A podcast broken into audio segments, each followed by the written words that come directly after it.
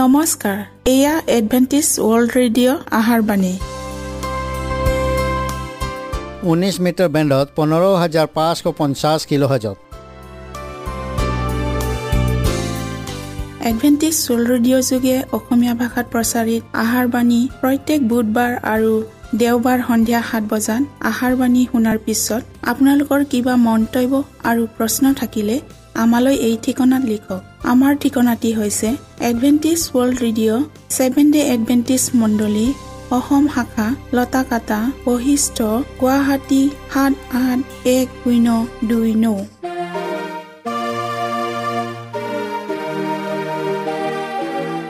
প্ৰিয় শ্ৰোতা বন্ধুসকল এতিয়া শুনো আহক এটি খ্ৰীষ্টীয় ধৰ্মীয় গীত।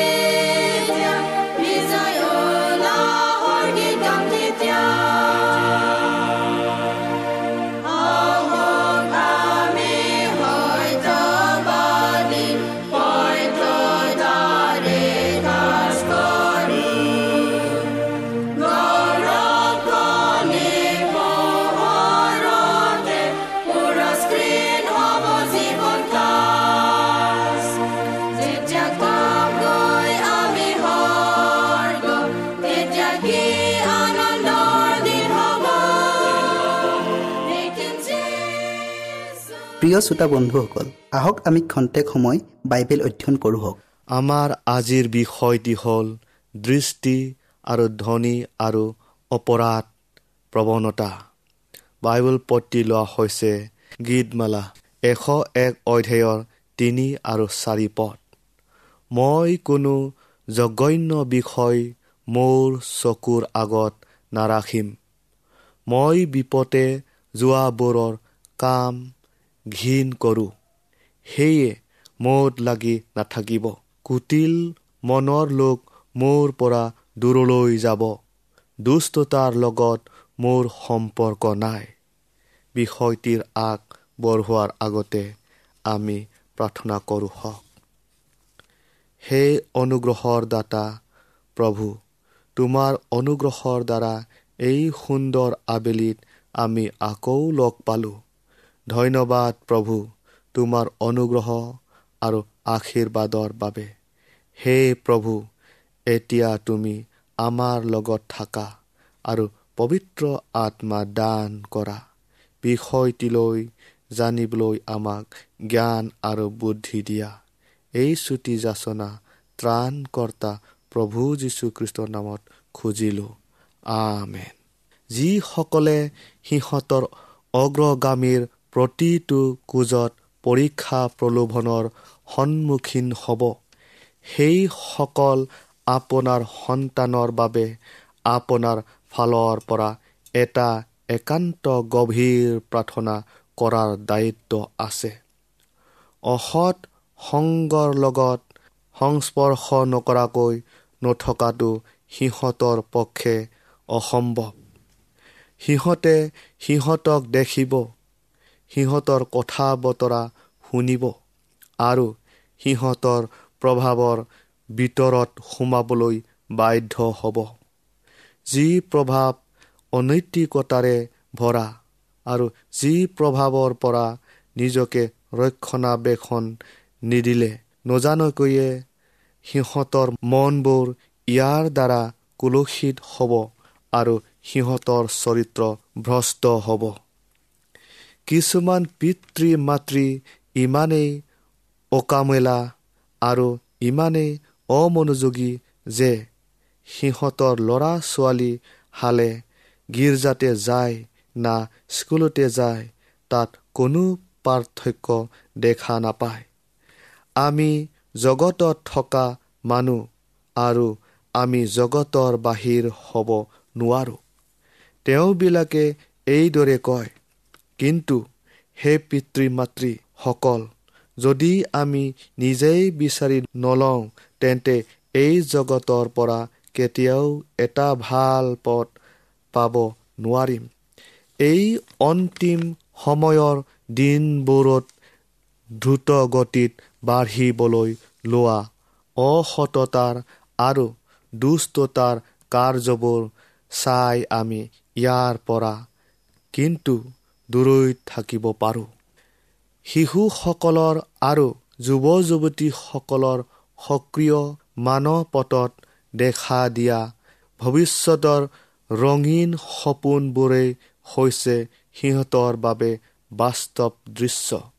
যেনেদৰে বিদ্ৰোহ আৰু আন্দোলনৰ বিষয়ে ভৱিষ্যতবাণী কৰা হৈছিল আৰু আইন কানুন নমনা আৰু আত্মা সংযম হেৰাই যোৱাৰ বিষয়ে বৰ্ণনা কৰা হৈছিল। ঠিক সেইদৰে পৃথিৱীত আজি আখৰে আখৰে ঘটিব লাগিছে। আৰু এই কাৰ্যত জড়িত নেতাসকলক বহুতে সমৰ্থনো কৰিছে। সিহঁতে এইদৰে পিছত পৰ্যায়ত সক্ৰিয়ভাৱে অপৰাধমূলক কাৰ্যত অংশগ্ৰহণ কৰিব। এনেকুৱা এক বিষয় পৰিস্থিতিৰ কুপ্ৰভাৱৰ দ্বাৰা সমাজ আজি আক্ৰান্ত হৈ ইয়াৰ নৈতিক স্খলন ঘটিব। অনৈতিকতা আইন কানুন নমনা ঈশ্বৰৰ বিধান নমনা আদিৰ বীজ সকলোতে সিঁচি দিয়া হৈছে। কোনোৱে আচৰিত হোৱাৰ প্ৰয়োজন নাই যে ইয়াৰ ফলস্বৰূপে আমাৰ সন্মুখত হাজাৰ বিজাৰ অসংখ্য অপৰাধমূলক কাৰ্য দম খাই আছে। দৃঢ়তাৰে এইদৰে কওঁ মই এনেকুৱা বিষয়বোৰ পঢ়ি মূল্যৱান সময়বোৰ কেতিয়াও অপচয় নকৰোঁ। যিবোৰ মোৰ বাবে একো কামত নাহে আৰু যিবোৰে আনৰ বাবে কৰা উপকাৰৰ কাৰ্যত মোক অনুপয়োগীহে কৰে। ঈশ্বৰৰ পৰিচৰ্যাত উপযুক্ত হ'ব পৰাকৈ মই মোৰ সময় আৰু চিন্তাধাৰাবোৰ উৎসৰ্গ কৰিম। অমূলক আৰু পাপময় বস্তু নাইবা বিষয়বোৰলৈ কেতিয়াও দৃষ্টি নকৰোঁ।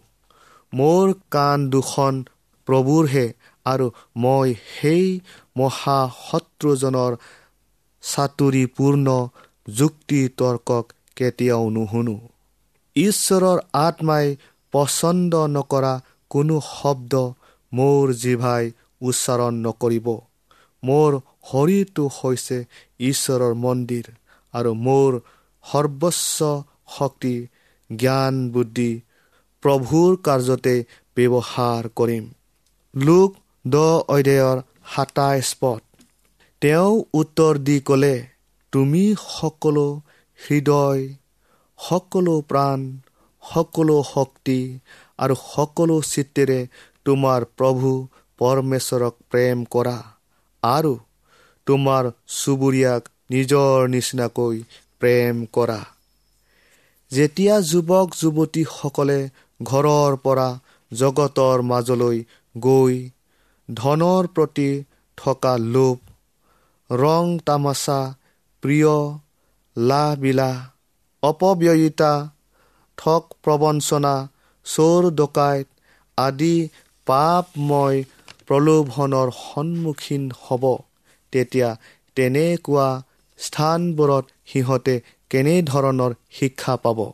আধ্যাত্মিকতাবাদে কয় যে মানুহ হেনো অপতীত উপদেৱতা যি প্ৰতিটো মনে নিজেই বিচাৰ কৰিব য'ত সকলো ধৰ্ম নীতিত কৈ মানুহৰ গাত প্ৰকৃত জ্ঞান স্থাপন কৰা হৈছে আৰু কৈছে পাপ কৰা সকলো ব্যক্তিয়ে হেনো নিৰ্দোষী কাৰণ ইয়াৰ মতে যিটো সত্য সি সত্যই আৰু ঈশ্বৰে কাকো দোষ নিদিয়ে।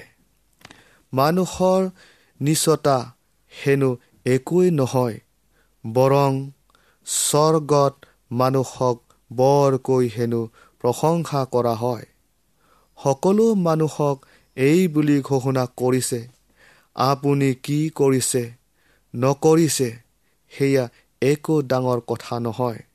আপুনি যিদৰে ভাল পায় সেইদৰে জীয়ক স্বৰ্গখন আপোনাৰ ঘৰ।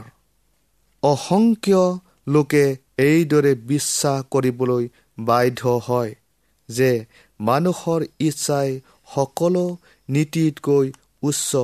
সি স্বাধীন আৰু এজন মানুহে মাত্ৰ নিজকেহে হিচাপ দিব লাগিব। এনেকুৱা ধৰণৰ শিকাই মানুহক গুৰিয়াল নথকা নাও এখনৰ নিচিনা এটা জীৱন দিয়ে। যেতিয়া ইন্দ্ৰিয়বোৰে বেছি শক্তিশালী হয় আৰু নিজ অবিলাসবোৰহে অধিক প্ৰাধান্য লাভ কৰে আৰু সৎ শুদ্ধতাক অপ্ৰয়োজনীয় বিষয় বুলি ভবা হয়। তেতিয়া সত্যতা ধৰ্মনীতিবোৰে ক'ত দৃষ্টি থাকিব? জগতখনক চদুম আৰু গমৰাৰ দৰে হোৱাত কিহে বাধা দি ৰাখিব পাৰিব? এনে সময়তে প্ৰভুৰ ওপৰত দান পৰাদি অৰাজকতাই সকলো নিয়ম নীতি সমূলি নাইকিয়া কৰি পেলাইছে। এয়া কেৱল ঈশ্বৰৰ নিয়মকে নহয় মানুহৰ দ্বাৰা প্ৰচলিত আইন কানুন একোকে নামানে। সম্পদ আৰু ক্ষমতাৰ কেন্দ্ৰীয়খনৰ অধিক খৰচীয়া আঁচনিৰে মুছলিমে লোকৰহে লাভৱান হোৱা পদ্ধতি দুখীয়া দৰিদ্ৰ লোকসকলক একত্ৰীকৰৰ দ্বাৰা সিহঁতৰ স্বাৰ্থ আৰু দাবী পূৰণ কৰা এনেকুৱা ধৰণৰ শিক্ষাৰ ফলতে এটা সময়ত পৃথিৱী জুৰি বিকীৰ্ণকৰণ প্ৰতা চলিছিল যাৰ ফলত ফৰাচী বিপ্লৱ সূত্ৰপাত হৈছিল যি অৱস্থাই ফ্ৰান্সক বৰকৈ জোকাৰি গৈছিল। সেই অৱস্থাই পৃথিৱীৰ সকলোকে জোকাৰিছিল। প্ৰিয়সকল আজি এনেকুৱা ধৰণৰ কুপ্ৰভাৱসমূহকে আমাৰ ডেকা গাভৰুসকলে প্ৰত্যাহ্বান দিব লাগিব। এনেকুৱা ধৰণৰ বিপদজনক পৰিস্থিতিৰ মাজত থিয় হৈ থাকিবলৈ সিহঁতৰ চৰিত্ৰ মজবুত ভেটিত গঢ়ি উঠিব লাগিব। প্ৰতিটো প্ৰজন্মত আৰু প্ৰতিখন দেশত চৰিত্ৰ গঢ়াই প্ৰকৃত ভেটি আৰু আৰ্হি একেটাই। ঐশ্বৰিক বিধানে এই ক্ষেত্ৰত এইদৰে কৈছে তুমি সকলো হৃদয় সকলো প্ৰাণ সকলো শক্তি আৰু সকলো চিত্তেৰে তোমাৰ প্ৰভু পৰমেশ্বৰক প্ৰেম কৰা আৰু তোমাৰ চুবুৰীয়াক নিজৰ নিচিনাকৈ প্ৰেম কৰা। ত্ৰাণকৰ্তাজনাৰ চৰিত্ৰত আৰু জীৱনত যি মহান আদৰ্শ প্ৰকাশ কৰা হ'ল এয়াই হৈছে নিৰাপদ ভেটি আৰু প্ৰকৃত আৰু নিৰ্ভৰযোগ্য সাৰথী। ঈশ্বৰে আমাক সকলোকে আশীৰ্বাদ কৰক।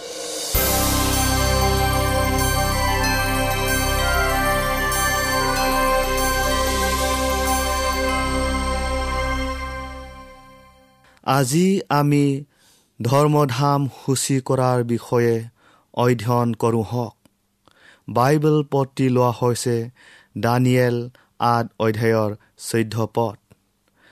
তাতে তেওঁ মোক ক'লে দুই হাজাৰ তিনিশ গধূলি আৰু ৰাতিপুৱাৰ নিমিত্তে পাছত ধৰ্মধাম সূচী কৰা যাব। অধ্যয়ন কৰাৰ আগতে আমি প্ৰাৰ্থনা কৰোঁ হওক। সেই সৰ্বশক্তিমান প্ৰভু পুনৰাই আজি তোমাৰ বাক্য শুনিবলৈ এই সুযোগ দিলা। তাৰ বাবে তোমাক ধন্যবাদ জনাইছোঁ। প্ৰভু আমি বিশেষ ধৰ্মধামৰ বিষয়ে আজি অধ্যয়ন কৰিবলৈ আগবঢ়াইছোঁ। তুমি আমাক জ্ঞান আৰু বুদ্ধি দিয়া। পবিত্ৰ আত্মাৰ যোগেদি প্ৰত্যেক শ্ৰোতাৰ হৃদয় স্পৰ্শ কৰি দিয়া। যীশুৰ নামত খুজিলোঁ। আমেন।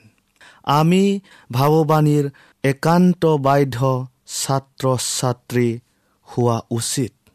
ধৰ্মধাম সম্পৰ্কীয় বিষয়ত আমি পাৰ্গত নোহোৱালৈকে আমি জিৰণি লোৱাটো অনুচিত। যিটোৰ বিষয়ে দানিয়েল আৰু জোহনে দৰ্শনত দেখা পাইছিল আমাৰ বৰ্তমানৰ অৱস্থা আৰু কাৰ্যৰ ওপৰত এই বিষয়টোৱে বিশেষভাৱে আলোকপাত কৰিছে। আৰু ঈশ্বৰে যে আমাক আমাৰ অতীতৰ অভিজ্ঞতালৈ চলাই নিছে তাক নিৰ্ভুলকৈ প্ৰমাণ দিছে। ইং ওঠৰশ চৌৰাল্লিছ চনৰ নিৰাক্ষতাৰ বিষয়ে ব্যাখ্যা দিয়ে আৰু আমাক স্পষ্টকৈ দেখুৱাই দিয়ে যে ধৰ্মধাম সূচী কৰা কাৰ্যটো আমি ভবাৰ দৰে পৃথিৱীত সংঘটিত হোৱা নাছিল। কিন্তু খ্ৰীষ্টই স্বৰ্গীয় ধৰ্মধামৰ অতি পবিত্ৰ কোটাতহে প্ৰৱেশ কৰিছিল আৰু স্বৰ্গদূতে দানিয়েল ভাৱবাদীক কোৱা বাক্যবোৰ সিদ্ধ কৰিবলৈ তেওঁ নিজৰ মহাপুৰুষিতৰ কাৰ্য সম্পাদন কৰি আছে। যেতিয়া অৰ্থক্ষেত্ৰ ৰজাই জেৰুজালেম মন্দিৰ পুনৰ নিৰ্মাণ অধ্যাদেশ জাৰি কৰিছিল। তেতিয়াই এই দুই হাজাৰ তিনিশ দিনবোৰ আৰম্ভ হোৱা দেখা যায়। যিটো খ্ৰীষ্টপূৰ্ব চাৰিশ সাতাৱন্ন চনৰ শৰৎকালত কাৰ্যকৰী হৈছিল। ইয়াক আৰম্ভণিৰ সীমা বুলি ধৰিলে। তেতিয়া দানিয়েল নৌ অধ্যায়ৰ পঁচিছৰ পৰা সাতাইছ পদবোৰত হ'বলগীয়া ঘটনাবোৰৰ বিষয়ে যেনেদৰে ব্যাখ্যা কৰি থোৱা আছিল তাৰ লগত প্ৰতিটো ঘটনা সম্পূৰ্ণ মিল থকা দেখা গৈছিল। সোতৰ সপ্তাহ অথবা চাৰিশ নব্বৈ বছৰ এইখিনি সময় বিশেষকৈ যিহুদীসকলৰ বাবে ৰখা হৈছিল। এই সময়খিনি অন্ত হোৱাৰ পিছত দেশখনে তেওঁৰ শিষ্যসকলক তাৰণা কৰাৰ দ্বাৰাই খ্ৰীষ্টক সম্পূৰ্ণ প্ৰত্যাখ্যান কৰিছিল আৰু শিষ্যসকলে তেতিয়া চৌত্ৰিছ খ্ৰীষ্টাব্দত পৰজাতিবিলাকৰ মাজত সুবাৰ্তা প্ৰচাৰ কৰিবলৈ আৰম্ভ কৰিছিল। দুশ তিনিশ বছৰৰ পৰা প্ৰথম চাৰিশ নব্বৈ বছৰ শেষ হোৱাৰ পাছত ওঠৰশ দহ বছৰ বাকী থাকে। খ্ৰীষ্টাব্দ চৌত্ৰিছ পৰা ওঠৰশ দহ বছৰ বঢ়াই দিলে। ওঠৰশ চৌত্ৰিছ পাইগৈ তেতিয়া স্বৰ্গদূতে কৈছিল পাছত ধৰ্মধাম সূচী কৰা যাব। প্ৰথম দ্বিতীয় আৰু তৃতীয় স্বৰ্গদূতৰ বাণীৰ সংক্ৰান্তত আমাৰ বিশ্বাস শুদ্ধ আছিল। যিবোৰ কোচ আমি পাৰ হৈ আহিলোঁ সেইবোৰ অপৰিৱৰ্তনীয় স্থিৰ। যদিও নৰকৰ গৰাকীজনে তেওঁবিলাকক তেওঁবিলাকৰ বিশ্বাসৰ ভেটিৰ পৰা উজাৰি আনিবলৈ চেষ্টা চলাইছিল আৰু কৃতকাৰ্য হ'ব পাৰিলোঁ বুলি জয় উল্লাস কৰিছিল। তথাপিও সিহঁত কৃতকাৰ্য হ'ব পৰা নাছিল। সত্যতাৰ এই স্তম্ভবোৰ সৰ্বকালৰ পৰ্বতৰ দৰে দৃঢ়কৈ থিয় হৈ থাকিল। ছয়তান আৰু তাৰ অনুচৰ বৰ্গ তথা মানুহৰ শক্তি মিলিও তাক লৰাব নোৱাৰিলে। আমি আৰু অধিক শিকিব লাগে আৰু এইবোৰ কথা সত্য হয় নে নহয় তাক পৰীক্ষা কৰিবলৈ সদায় শাস্ত্ৰ বাক্যৰ লগত মিলাই মিলাই চোৱা উচিত। দানিয়েল সাত অধ্যায়ৰ তেৰ পদটো আমি পঢ়োঁ হওক। মই ৰাতি দৰ্শনত চাই দেখিলোঁ আকাশৰ মেঘত মানুহৰ পুত্ৰৰ নিচিনা এজনা পুৰুষ আহি সেই অনাদিকালৰ বৃদ্ধজনাৰ গুৰিত উপস্থিত হ'ল। সেইজনাৰ আগলৈ তেওঁক অনা হ'ল। তেওঁৰ স্বৰ্গাৰোহণৰ পিছত আমাৰ ত্ৰাণকৰ্তাজনাই আমাৰ এজন মহাপুৰোহিত হিচাপে তেওঁৰ কাম আৰম্ভ কৰিছিল। পৌলে এইদৰে কৈছে কিয়নো প্ৰকৃতৰ প্ৰতিৰূপ মাত্ৰ যি হাতে কৰা পবিত্ৰ স্থান তাত কৃষ্ট নোসোমাল। কিন্তু সম্প্ৰতি আমাৰ নিমিত্তে ঈশ্বৰৰ সাক্ষাতে উপস্থিত হ'বলৈ স্বৰ্গতে সোমাল। ওঠৰশ শতিকা জুৰি এনে পৰিচৰ্যা ধৰ্মধামৰ প্ৰথম কোটালিত কৰি অহা হৈছিল। কৃষ্টৰ তেজে অনুতাপিত বিশ্বাসীসকলৰ হৈ নিবেদন কৰি আছিল আৰু তেওঁবিলাকৰ পাপ মাৰ্জনা কৰা হৈছিল আৰু ঈশ্বৰৰ দ্বাৰা গ্ৰহণ কৰা হৈছিল। কিন্তু তথাপিও তেওঁবিলাকৰ পাপ লিপিবদ্ধ কৰি ৰখা পুস্তকত আছিল। পৃথিৱীৰ ধৰ্মধামত পাপ প্ৰায়চিত্ৰৰ কাৰণে বছৰৰ শেষত যেনেকৈ এক বিশেষ কাৰ্য সম্পাদন কৰা হৈছিল ঠিক তেনেকৈ মানুহৰ পৰিত্ৰাণ কাৰ্য কৃষ্টই সম্পূৰ্ণ কৰাৰ আগতে স্বৰ্গীয় ধৰ্মধামৰ পৰা পাপ আঁতৰাবলৈ প্ৰায়চিত্ৰৰ এক বিশেষ কাম কৰিবলৈ বাকী আছিল। এয়া সেই কামেই আছিল যিটো কাম দুই হাজাৰ তিনিশ দিন অন্ত হোৱাৰ পাছত আৰম্ভ হৈছিল।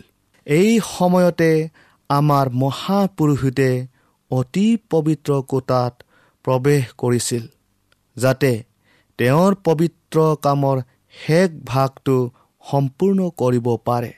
ধৰ্মধাম সূচী কৰাৰ কাম। ধৰ্মধাম সূচী কৰিবলৈ আমাৰ মহাপুৰুষিত হিচাপে কৃষ্ট অতি পবিত্ৰ স্থানত প্ৰৱেশ কৰাৰ দৃশ্যটোক দানিয়েল আঠ অধ্যায়ৰ চৈধ্য পদত বৰ্ণনা কৰা হৈছে।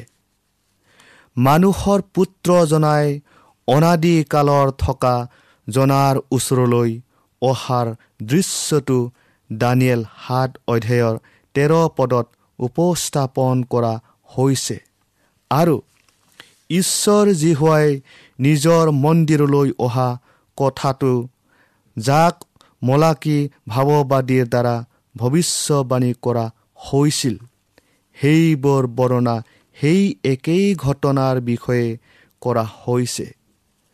আৰু ইয়াক মঠি পঁচিছ অধ্যায়ত স্বয়ং খ্ৰীষ্টই কোৱা দহজনী কইনাৰ দৃষ্টান্তটোৰ দ্বাৰাও সূচোৱা হৈছে। যি কইনা কেইজনীয়ে আহি থকা দৰা কইনাক আদৰিবলৈ ৰৈ আছিল। ধৰ্মধাম সূচী কৰা কাৰ্যত আন এটা কাৰ্যও জড়িত হৈ আছে। সেই কাৰ্যটো হৈছে অনুসন্ধানৰ কাৰ্য। সুদ বিচাৰৰ এটা কাৰ্য। কৃষ্টই তেওঁৰ লোকসকলক পৰিত্ৰাণ কৰাৰ পূৰ্বেই এই কাৰ্যটোক সমাপন কৰিবই লাগিব। কাৰণ যেতিয়া তেওঁ আহিব প্ৰতিজনৰ কৰ্ম অনুসৰি পুৰস্কাৰ দিবলৈ তেওঁ লগত তেওঁ পুৰস্কাৰ লৈ আহিব। কোনে কি স্থান অধিকাৰ কৰিব নাইবা কোনে কি পুৰস্কাৰ নাইবা শাস্তি পাব। তাক অন্তিম নিৰ্ণয় লোৱা দিনাখন কাৰো মোকৰ্দমা তিল এটাৰ সমানো সাল সলনি কৰা নহ'ব। কৃষ্টৰ কাৰণে মানুহে নিজকে কিমান নিৰ্মল কিমান শুদ্ধতাত ৰাখিছে সেইবোৰ দ্বাৰাই সকলোৰে ঈশ্বৰ জিহুৱাই বিচাৰ কৰিব। প্ৰিয় শ্ৰোতা বন্ধুসকল আহক আমিও সুদ বিচাৰৰ শেষৰ দিনা মূল্যৱান পুৰস্কাৰ পাবৰ নিমিত্তে যুগুত কৰি ৰাখোঁ হওক। খ্ৰীষ্টই আপোনালোকক আশীৰ্বাদ কৰক।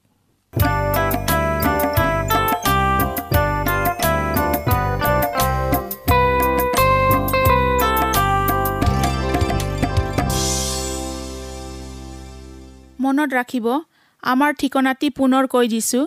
Adventist world radio' Assam region of seven day Adventist voice of hope Latakata Basistha Guwahati seven eight one zero' two nine প্ৰিয় শ্ৰোতা বন্ধুসকল এডভেণ্টিজ ৱৰ্ল্ড ৰেডিঅ' যোগে আহাৰবাণী প্ৰচাৰত আপোনালোকক পুনৰ লগ পোৱাৰ আহাৰে আজিলৈ সামৰিলোঁ। ধন্যবাদ।